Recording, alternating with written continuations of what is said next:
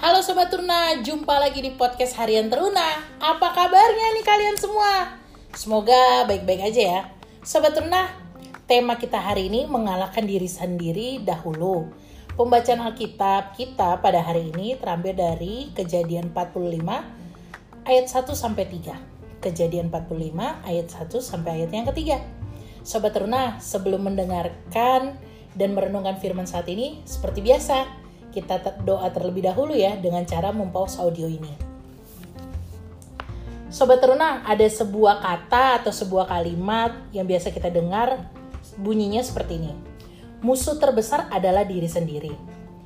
Makna ungkapan ini hendak menyampaikan bahwa keberhasilan kita menghadapi tantangan dimulai dari kemauan merendahkan hati dan membuka diri. Hal itu dimulai dengan mengalahkan rasa gengsi atau kebanggaan terhadap apa yang kita miliki. Seperti kekayaan, kekayaan, harga diri, dan status yang harus dipertahankan, sering membuat kita menyangkal kebenaran yang harus diakui. Sobat Teruna, bacaan Alkitab kita saat ini menceritakan tentang Yusuf. Yusuf yang menjadi penguasa di Mesir. Ia memang memiliki status yang lebih tinggi dibandingkan saudara-saudaranya bisa saja Yusuf menolak bertemu saudara-saudaranya karena mengingat perlakuan mereka yang tidak menyenangkan kepadanya waktu itu. Sebagai penguasa Mesir saat itu, Yusuf dapat juga memerintahkan penangkapan atas saudara-saudaranya dan berkata, biar biar tahu rasa kalian. Namun, yang terjadi pada Yusuf justru membuka identitas dirinya di hadapan saudara-saudaranya. Akulah Yusuf, ia mengatakannya sambil menangis. Ia menandakan kesedihannya sekaligus sukacita karena bisa berjumpa dengan saudara-saudaranya dan kakak-kakaknya. Yusuf bahkan menanyakan keberadaan ayahnya yaitu Yakub. Sobat Runa, Yusuf sama sekali tidak membalaskan perlakuan perlakuan pahit dari kakak-kakaknya meski dia mempunyai kesempatan atau peluang tersebut.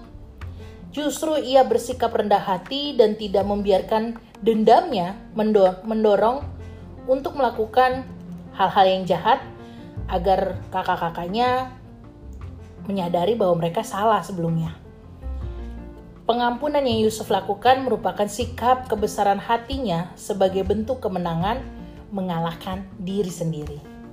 Sobat Teruna, dari kisah Yusuf kita belajar bagaimana mengalahkan diri sendiri akibat peristiwa pahit di masa lalu. Jangan membiarkan amarah dan benci mempengaruhi diri kita untuk membalaskan dendam. Sebagai saudara bersaudara, kita harus mendahulukan rasa kasih sayang satu terhadap yang lainnya. Mari kita meneladani Yusuf yang mau mengampuni saudara-saudaranya semua itu dilakukan karena Tuhan pun bersedia memberi ampunan dan berkat-berkatnya kepada kita. Sobat Teruna, aku mengasihimu, Tuhan Yesus memberkatimu. See you!